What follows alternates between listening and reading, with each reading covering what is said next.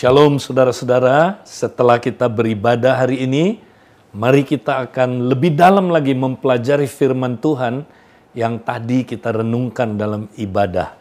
Nah saudara, kita masih ingat ya gereja mula-mula adalah gereja yang terus-menerus membangun tubuh Kristus. Salah satunya lewat pengajaran rasul-rasul. Apakah pengajaran rasul-rasul itu saudara? Sederhana, itu adalah transformasi hati lewat ibadah sejati. Nah, karena itu saudara, kita akan sama-sama mempelajari lebih dalam lagi tentang ibadah sejati.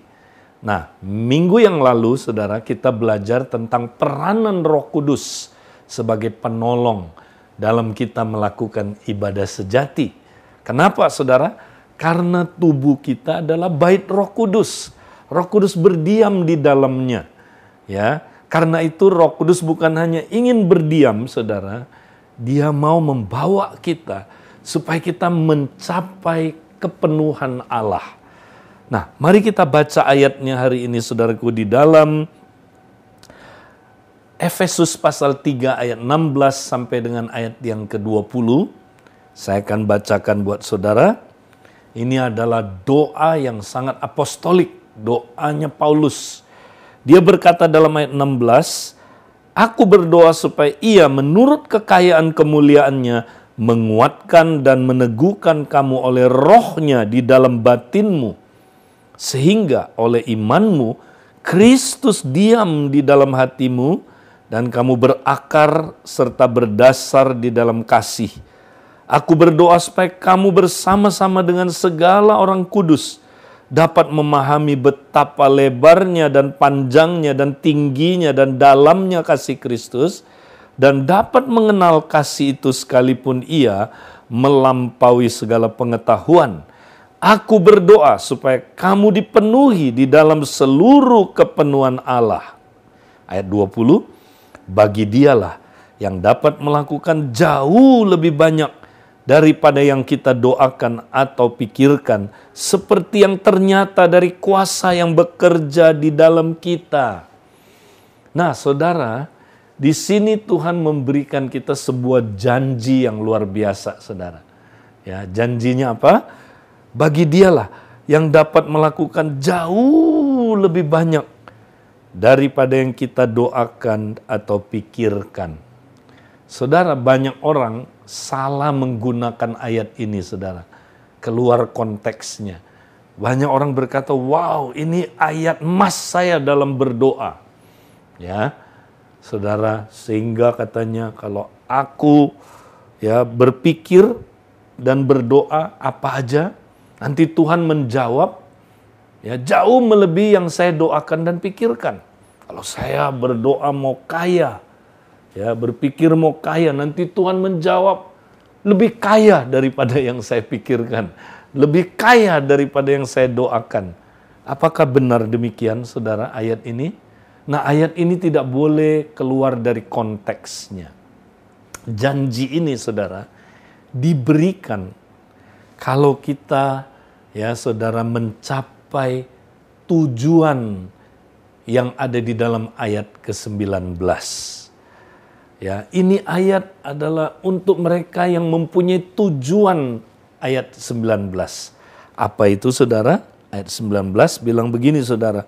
Aku berdoa kata Paulus supaya kamu dipenuhi di dalam seluruh kepenuhan Allah. Ini dia. Jadi ayat ini nggak boleh sembarangan dipraktekkan di luar konteksnya. Konteksnya adalah kalau kita punya goal mencapai kepenuhan Allah. Nah, apa artinya kepenuhan Allah, saudara? Nah, ingat kita adalah rumah Tuhan. Ya, kita pribadi bait Roh Kudus, tapi kita bersama-sama juga adalah bait Roh Kudus, saudara. Jadi pribadi dan korporat. Nah, kita mulai dari pribadi dulu, saudara. Di dalam hidup pribadi kita, saudara, kita ini kan kayak rumah. Nah, rumah kan banyak ruang-ruangnya, Saudara. Ya, ada ruang tamu, ada ruang uh, apa Saudara uh, uh, toilet, ada ruang tidur, ada dapur, ada ruang makan, ya ada apalagi saudaraku uh, ruang keluarga juga saudara ada uh, gudang dalam hidup kita ya ini adalah ruang-ruang dalam hidup kita nah Kristus saudara sudah ada di dalam kita ketika kita lahir baru Roh Kudus sudah berdiam di dalam diri kita tapi kita nggak boleh berhenti sampai di situ saudara kita mesti membiarkan Kristus yang sudah ada di dalam kita dia bertakhta dalam setiap ruangan-ruangan yang ada. Dia mendiami setiap ruang-ruang hidup kita itu saudara. Yaitu manusia batiniahnya kita. Ya, manusia yang di dalam yang nggak kelihatan. Ya, itu ruang-ruang itu berbicara tentang pikiran kita, hati kita, hati nurani kita. Ya, saudara berbicara tentang pikiran bawah sadar kita. Ya, itu ruang-ruang yang kita mesti izinkan supaya Kristus bertakhta di situ. Dia menjadi raja, dia memerintah, berdiam sepenuhnya di dalam ruang-ruang itu, Saudara. Ya, itulah pemerintahan Kristus. Itulah artinya mencari kerajaan Allah. Ya, mencari pemerintahan Kristus dalam setiap ruang-ruang kehidupan kita, Saudara. Ya. Nah, kalau Saudara seluruh ruangan Saudara sudah didiami sepenuhnya oleh Kristus, saudara mencapai kepenuhan Allah itu. Ya, bukan hanya saudara, tapi keluarga saudara sama-sama. Komsel dan kompak saudara sama-sama. Semuanya kita dipenuhi ya oleh Allah, saudara. Nah, ini inilah yang Tuhan mau kita capai dalam hidup kita, saudara. Jadi bukan cuma Allah berdiam dalam diri kita, kita mesti membiarkan dia berdiam sepenuhnya. Ya, sampai enggak ada lagi tempat yang kosong. Ya, kata penuh di sini Saudara adalah seperti ini Saudara. Saya ilustrasikan. Misalnya dalam sebuah ember, saya taruh batu-batu Saudara. Walaupun udah sampai ke permukaannya, tapi ini belum penuh sepenuhnya Saudara. Kenapa masih ada ruang-ruang kosong? Ya, saya tambah pasir ya mengisi ruang-ruang kosong itu. Udah penuh benar? Belum. Supaya penuh benar saya isi air, Saudara. Sampai ke permukaannya. Nah, kalau air udah memenuhi ini, ya Saudara, maka tidak ada lagi ruang yang kosong. Itulah artinya penuh betul. Ya, kalau sebuah hotel, Saudara ada 100 kamar, ya. Tapi yang ditinggali, yang didiami hanya 75% dari kamar-kamar itu ya kita bilang hotel ini belum penuh, belum full occupancy. Ya, Saudara. Demikian juga hidup kita, Saudara. Banyak orang Kristus sudah ada di dalam dirinya. Roh Kudus sudah berdiam di dalamnya. Tapi dia belum membiarkan Kristus memenuhi ruang-ruang kosong dalam hidupnya, Saudara. Inilah yang menjadi goal kita, Saudara yang menjadi sasaran dalam hidup kita. Nah, kita bisa mencapai itu Saudara kalau ya kita beribadah. Jadi jalan keluarnya cara kita mencapai itu adalah lewat ibadah. Ya. Nah, kalau kita praktekkan ibadah sejati Saudara, maka ayat 20 ini terjadi. Bagi dialah yang dapat melakukan jauh lebih banyak daripada yang kita doakan atau pikirkan, seperti yang ternyata dari kuasa yang bekerja di dalam kita. Nah, ayat ini Saudara adalah tentang ibadah. Ya. Jadi kalau kita terus pikirkan itu Saudara, kita terus doakan itu, kita terus persembahkan tubuh kita Saudara. Ya sebagai korban yang hidup dan kudus kepada Allah, ya, maka saudara kuasanya akan bekerja di dalam kita. Jadi bukan kita saudara yang bisa melakukan ini. Dialah yang akan melakukannya saudara. Dan dia dapat melakukan jauh ya lebih banyak daripada yang kita doakan dan pikirkan. Ya, jadi saudara ini pekerjaan roh kudus, bukan kekuatan kita. Tapi kita akan mampu melakukannya saudara. Kalau kita terus percaya ya kepada apa yang Tuhan katakan ini saudara. Nah karena itu Coba kita lihat ruang-ruang dalam hidup kita, saudara. Ya, Kristus sudah ada di dalam hidup kita. Ya, tapi sering kali Kristus cuma jadi tamu. Dia bukan tuan rumah, dia bukan penguasa tunggal dalam ruang-ruang hidup kita. Jadi kita mesti berkata, Tuhan, ku persembahkan tubuhku ini Tuhan. Ya, supaya engkau memerintah atasnya. Apa yang terjadi, saudara? Nah, Kristus nanti mulai akan masuk ke ruang-ruang hidup kita, saudara. Wow, dia akan masuk ke ruang keluarga kita. Karena sering kali ruang keluarga kita nggak ada orang di situ yang saling ngobrol, berfellowship. Sepi sekali ruang keluarga kita, saudara. Ruang keluarga berbicara tentang ruang hubungan kita. Hubungan suami istri, hubungan dengan keluarga, dengan anak, hubungan sesama saudara. Sepi, nggak ada yang ngobrol-ngobrol di situ. Tapi kalau kita izinkan Kristus bertahta di ruangan itu, saudara, Dia akan memulihkan hubungan kita. Hubungan dengan suami, hubungan dengan istri, hubungan dengan anak-anak, hubungan dengan saudara kita, ya akan dipulihkan, saudara. Izinkan Kristus bertahta di ruangan itu. Tapi Kristus mau masuk lebih dalam lagi, saudara. Dia mau ya mendiami area ruang makan dan ruang dapur kita, saudara. Nah, ruang makan dan ruang dapur ini apa? Ya, inilah ruang keinginan kita. Ya, dia pengen lihat keinginan kita, keinginan apa, saudara? Makanan apa yang kita makan? Seringkali saudaraku makanan yang kita makan bukan makanan dari Tuhan. Maka waktu Tuhan Yesus masuk ruangan itu dia bilang begini, buang menu-menu makanan ini. Ya, makanlah makanan aku. Wah, waktu murid-murid bawa makanan kepada Yesus, habis dia ngobrol sama perempuan Samaria, saudara, ya Yesus bilang begini waktu ditawarin makanan, ya dia nggak lapar, saudara, karena dia bilang begini, dia bilang, makananku, ya ada padaku makanan lain yang kamu tidak tahu.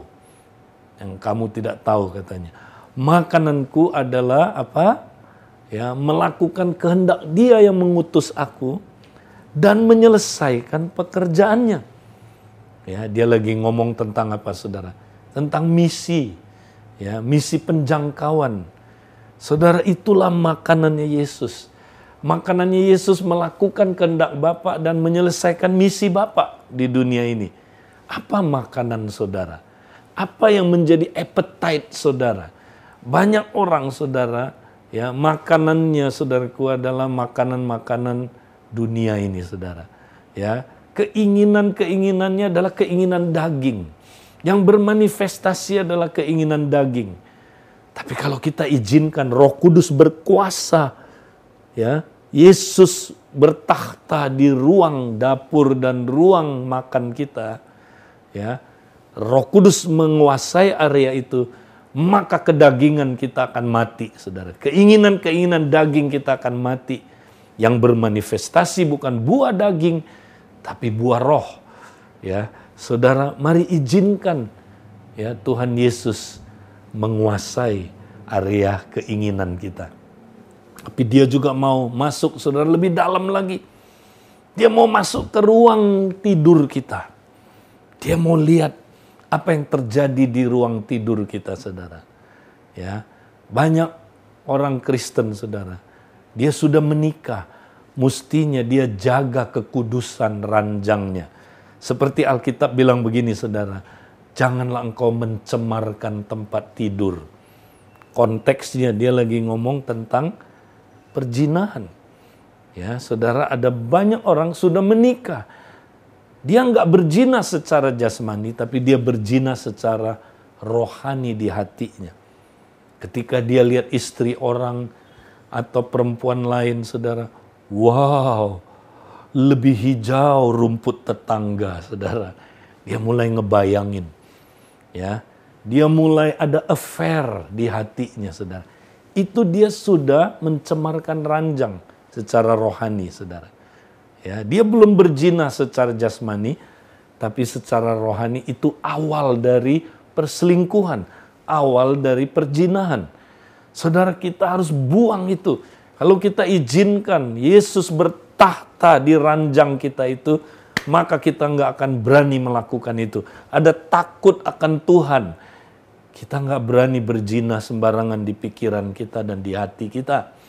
Saudara bertobatlah. Kalau saudara ada yang berzina di hati saudara, ya Yesus mau menguasai ruangan itu saudara. Ruangan yang paling suci dalam hidupmu.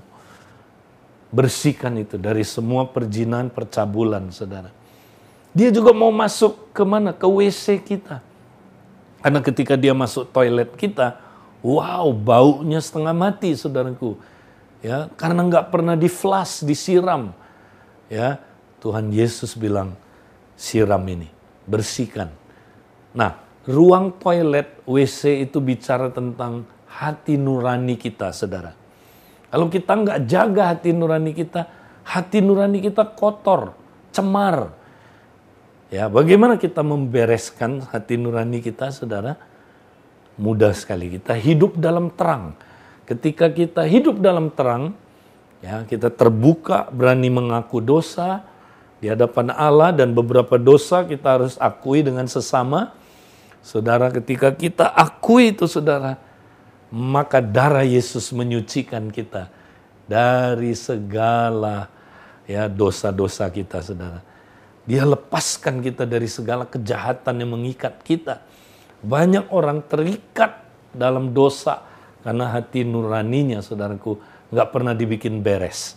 Ya, mari saudaraku kita izinkan Tuhan Yesus bertahta di atas saudaraku hati nurani kita. Ya, dia juga mau masuk apa saudara? Ruang perpustakaan kita. Wow, yang ini biasanya Ya, saudara takut sekali dia masuk. Saudara bilang, jangan, jangan Tuhan. Tuhan bilang, enggak. Karena ini rumahku, aku yang harus masuk. Maka Tuhan Yesus buka pintu itu. Wow, kita jadi malu, saudara. Ketika dia masuk perpustakaan yang bicara tentang ruang pikiran kita, saudara. Dia menemukan banyak buku-buku duniawi. Filsafat-filsafat dunia yang menentang akan Allah dia banyak menemukan filosofi-filosofi yang nggak benar, saudaraku. Ya, Tuhan mau kita rubah ini.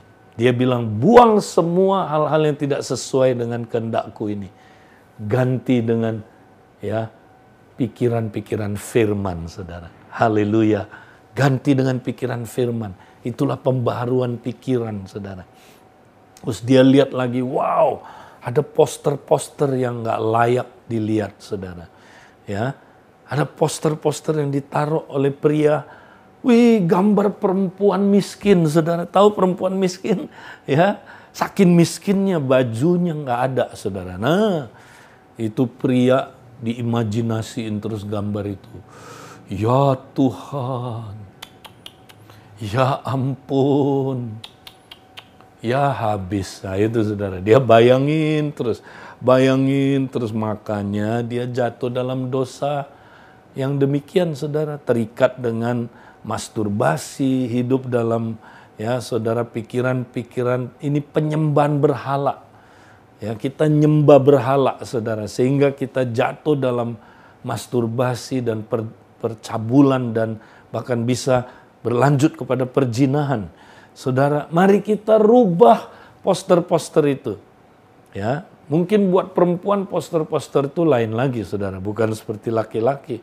Oh, mungkin ya, mungkin ini tas-tas yang indah. Wow, ya, yang kalau kita renungkan terus, saudara, tas-tas yang mahal, pakaian-pakaian yang mahal, ya, itu tas-tas bisa panggil kita. Datanglah, datanglah, belilah aku, ya. Ya, maka saudara, wanita-wanita akhirnya tersihir dengan gambar-gambar itu. Ya, saya bukan menentang belanja, saudara, tapi hati-hati ya. Kita kalau udah menyembah berhala, kita tersihir sama ya berhala itu, akhirnya kita keluarin dompet, saudara. Kita mulai melakukan pelayanan tanda-tanda heran, saudara. Tahu pelayanan tanda-tanda heran? dia gesek kartu kredit suaminya, saudara. ya, ini dia ya menggeseknya sains ya atau tanda tangan. Akhir bulan suaminya wonder. Bingung kenapa uangnya begitu banyak keluar, saudara. Nah, saudara, akhirnya hidup kita kacau. Itu sebabnya kita perlu jaga, biarkan Kristus bertahta di ruang pikiran kita, ruang imajinasi kita. Kita juga harus biarkan Kristus masuk satu ruangan lagi, saudara. Ini ruangan yang, aduh, kita aja nggak suka ke sana, saudara. Ya, karena ruangan ini gelap, ruangan ini penuh debu, ruangan ini penuh dengan barang-barang rongsokan kadang-kadang, dan kadang-kadang barang yang masa lalu, saudara disimpan di situ. Ruang itu adalah gudang dalam rumah kita, saudara. Saudara, dalam tubuh kita ini juga ada. Ya, gudang itu adalah pikiran atau memori bawah sadar kita, saudara. Nah, Kristus mau masuk ke sana, saudara. Ya, biarkan dia bertakhta di situ, saudara. Ya, dia mau menguasai ruangan pikiran bawah sadar kita.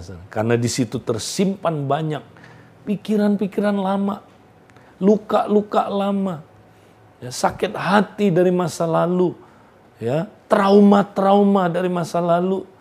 Saudaraku banyak sekali menguasai kita. Kita diperbudak oleh pikiran-pikiran yang demikian, saudara. Kristus mau masuk ke sana, saudara. Ya, dia mau ya menemukan gambar-gambar ya kalau di dalam istilah ilmiahnya kita sebut ini pikiran episodik memori episodik dari episode-episode kehidupan kita saudara. Kita telah merekam gambar-gambar yang menakutkan gambar-gambar yang menyakitkan dari masa lalu. Ya dari orang tua dari hubungan ya waktu kita dibesarkan saudara. Ya waktu kita saudara ya ber, bergaul dengan sahabat-sahabat saudara-saudara kita apa yang terjadi saudara luka-luka itu kita rekam dalam bentuk gambar-gambar ini menimbulkan trauma menimbulkan saudaraku sakit hati kalau kita nggak disembuhkan saudara kita akan selalu jadi orang yang nggak bisa bertumbuh, saudara. Ya, saudara, luka-luka ini akibat dari gambar-gambar yang direkam menimbulkan apa, saudara? Menimbulkan kita menyimpan memori-memori semantik. Memori semantik, saudaraku, adalah kata-kata atau gambar-gambar, ah, kata-kata atau konsep-konsep yang muncul karena memori episodik itu.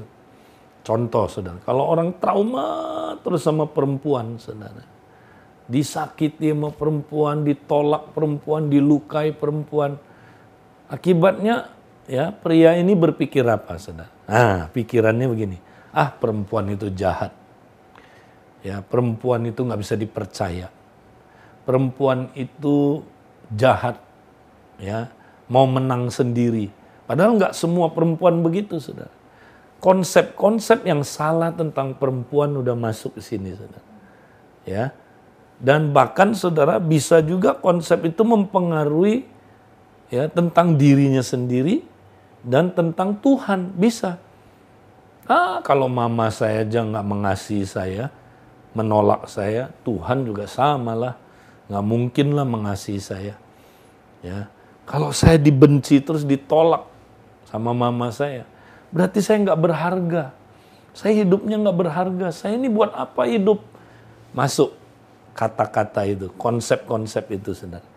Nah, konsep-konsep ini menyebabkan dia trauma sama perempuan. Ya, akibatnya apa, saudara? Nah, dia akan bikin inner vow namanya. Inner vow itu adalah dia bersumpah, ya, kepada diri sendiri. Nah, sumpah ini sumpah yang nggak benar, saudara. Ya, jadi misalnya, karena dia trauma sama perempuan, dia bilang gini, saya seumur hidup nggak akan pernah deket-deket lagi sama perempuan. Saya nggak akan pernah terbuka sama perempuan. Saya nggak akan pernah percaya lagi sama perempuan. Nah yang paling bahaya ini, saya nggak akan menikah lagi dengan perempuan.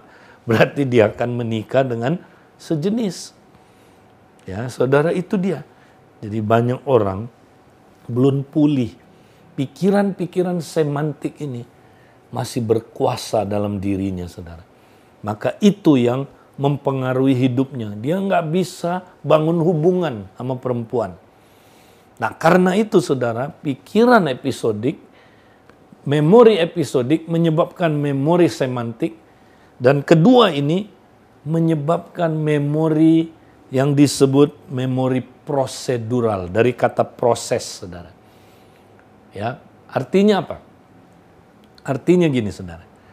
Karena dia udah luka, tertolak sama perempuan, ya dia punya pikiran yang salah tentang perempuan, dan kemudian saudara dia juga punya res apa saudaraku uh, komitmen yang salah dengan perempuan dan akhirnya saudara dia mempunyai respon-respon yang salah kalau ketemu perempuan. Ya. Nah, ini apa Saudara? Ini namanya memori prosedural. Jadi dia punya kebiasaan respon yang salah terhadap perempuan. Jadi kalau lihat perempuan biasanya 3F. Kalau enggak fight, dia tengkar sama perempuan, ribut sama perempuan, ya, berusaha menyerang perempuan, fight atau dia flight, saudara, kabur. Kalau lihat perempuan dia udahlah nggak mau berurusan, kabur. Jadi dia sama perempuan dia nggak bisa bangun hubungan, ya. Kemudian saudara yang ketiga kalau nggak fight, flight, ya atau freeze, cuek aja, dingin sama perempuan, nggak bisa lagi ada perasaan apa apa, cuek aja pokoknya. Nah, saudara, Inilah gudang, ruang gudang dalam hidup kita, saudara. Yang Tuhan Yesus mau masuk ke dalam. Nah hari ini kita sudah dengar kesaksian, saudara. Betapa dahsyatnya ketika kita biarkan Kristus memerintah dalam saudaraku memori bawah sadar kita. Dia akan munculkan dari tadi kesaksian tadi luar biasa. Munculkan saudaraku pikiran-pikiran yang gak benar ya luka-luka masa lalu, luka dari ibu, luka dari bapak, luar biasa saudara. Disembuhkannya, dipulihkannya kita.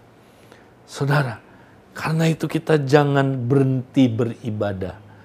Terus saudara, beribadah sampai kita dipenuhi dengan segala kepenuhan Allah ini. Dan bukan cuma kita, keluarga kita.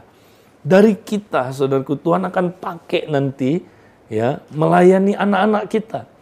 Yang anak-anak kita juga sesamanya bisa melayani. Ya, bukan cuma keluarga tapi keluarga rohani kita, komsel dan kompak kita. Kita akan saling saudaraku melayani dipakai Tuhan. Ya. Saudara, ketika kita lakukan ini bersama-sama kita menjadi rumah Tuhan yang dipenuhi dengan kepenuhan Allah. Sehingga saudara kita menjadi pusat solusi bagi bangsa-bangsa. Ya, kita menjadi tubuh Kristus yang berfungsi seperti gereja mula-mula yang dahsyat yang dapat menyelesaikan misi Bapak di dunia ini, Saudara. Mari, Saudara, kita terus praktekkan ibadah sejati ini. Biarkan Dia membawa kita mencapai kepenuhan Allah. Haleluya.